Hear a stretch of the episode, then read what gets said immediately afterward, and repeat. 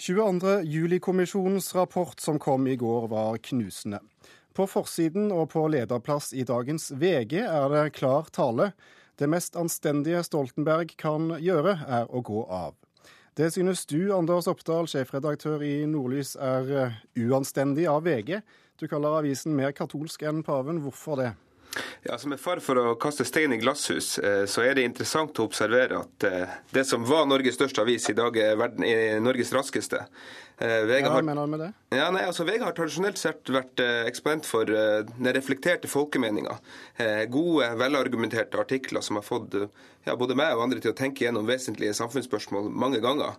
I dag så bruker avisa rekordtid på å eh, kaste Jens og eh, gjøre det i anstendighetens navn, og det syns jeg er uanstendig. og Jeg, jeg syns heller ikke argumentasjonen i, i artikkelen henger godt på grip. Hanne Skartveit, politisk redaktør i VG. Gikk det litt fort i redaksjonen i går kveld? Nei, det gjorde det ikke. Dette var en erkjennelse som vokste frem i løpet av dagen hos oss. Eh, dette er jo kjente problemstillinger, men den rapporten som kom var enda mer knusende og enda mer alvorlig enn det jeg hadde forestilt meg på forhånd. Eh, og det er viktig at man ansvarliggjør de som har ansvar i dette landet. Det er en del av den demokratiske prosessen. Og de feilene som ble avdekket i går, var så grove og så alvorlige at dette må få konsekvenser for de som er på toppen. Er dette noe hele VG står bak? Dette er noe hele VG, altså dette er noe VGs redaktører står bak. Dette er, dette er VGs mening som avis, eller som mediehus. Anders Oppdal, eh, hvorfor er det så ille av VG å kreve at statsministeren skal gå etter en så nådeløs rapport som kom i går?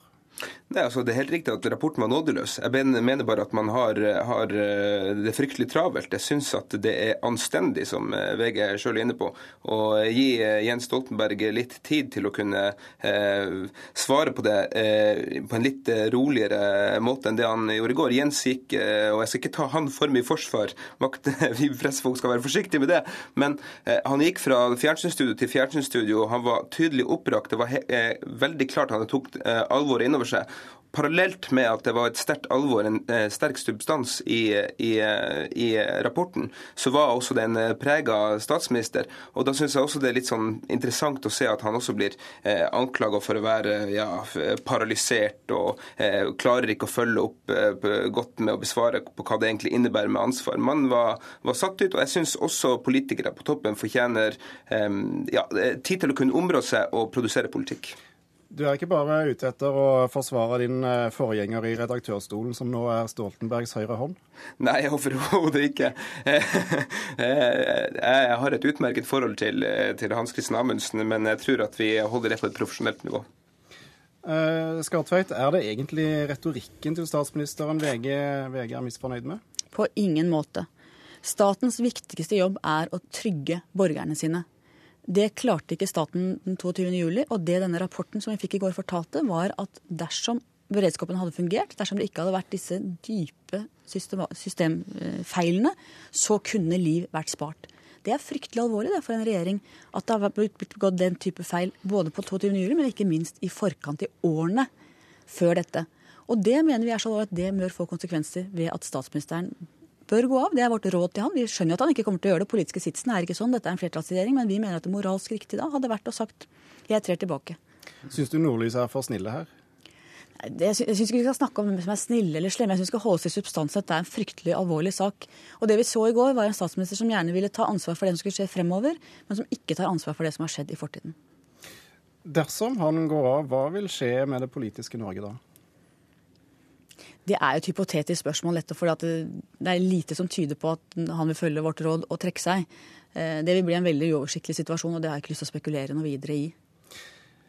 Eh, du sier, eh, Anders Oppdal, i din egen kommentar på Nordlys sine nettsider at du er enig i at statsministeren gjorde feil.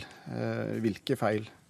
Altså, jeg må jo være helt ærlig og, og si at når jeg fulgte Jens i går, så, så, så ble jo jeg også eh, eh, Jeg syns jo også han, han, svarte på seg på, på en eh, klønete måte. Eh, når det kommer eh, eh, Når han blir kasta til grillen, og det kommer jo ikke uventa, så burde han kanskje vært flinkere til å si hva det faktisk innebærer å, å, ta det ansvaret som han beskrev.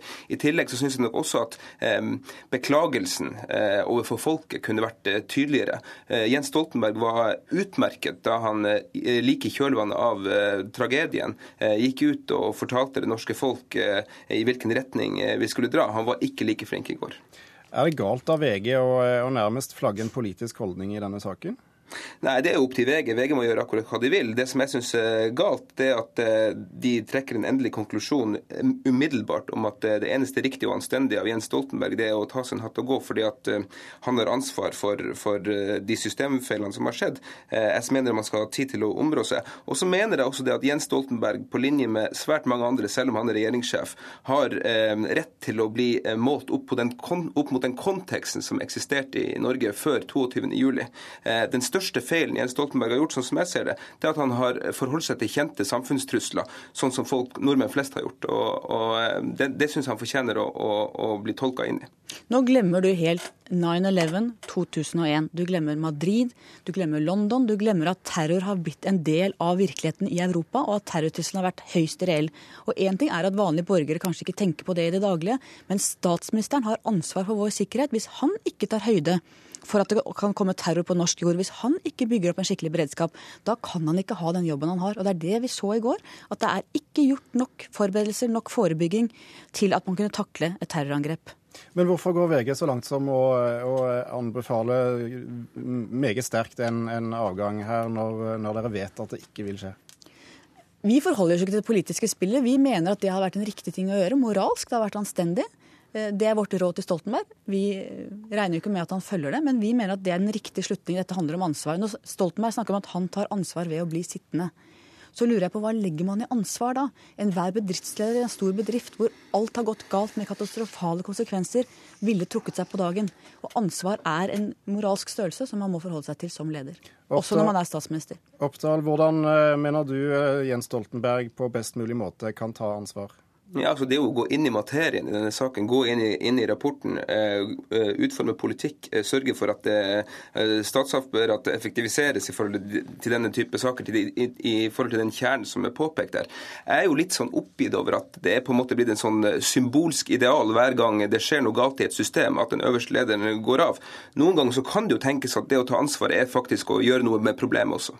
Anders Oppdal, sjefredaktør i Nordlys, og Hanne Skartveit, politisk redaktør i VG. Tusen takk for at dere var med i Kulturnytt.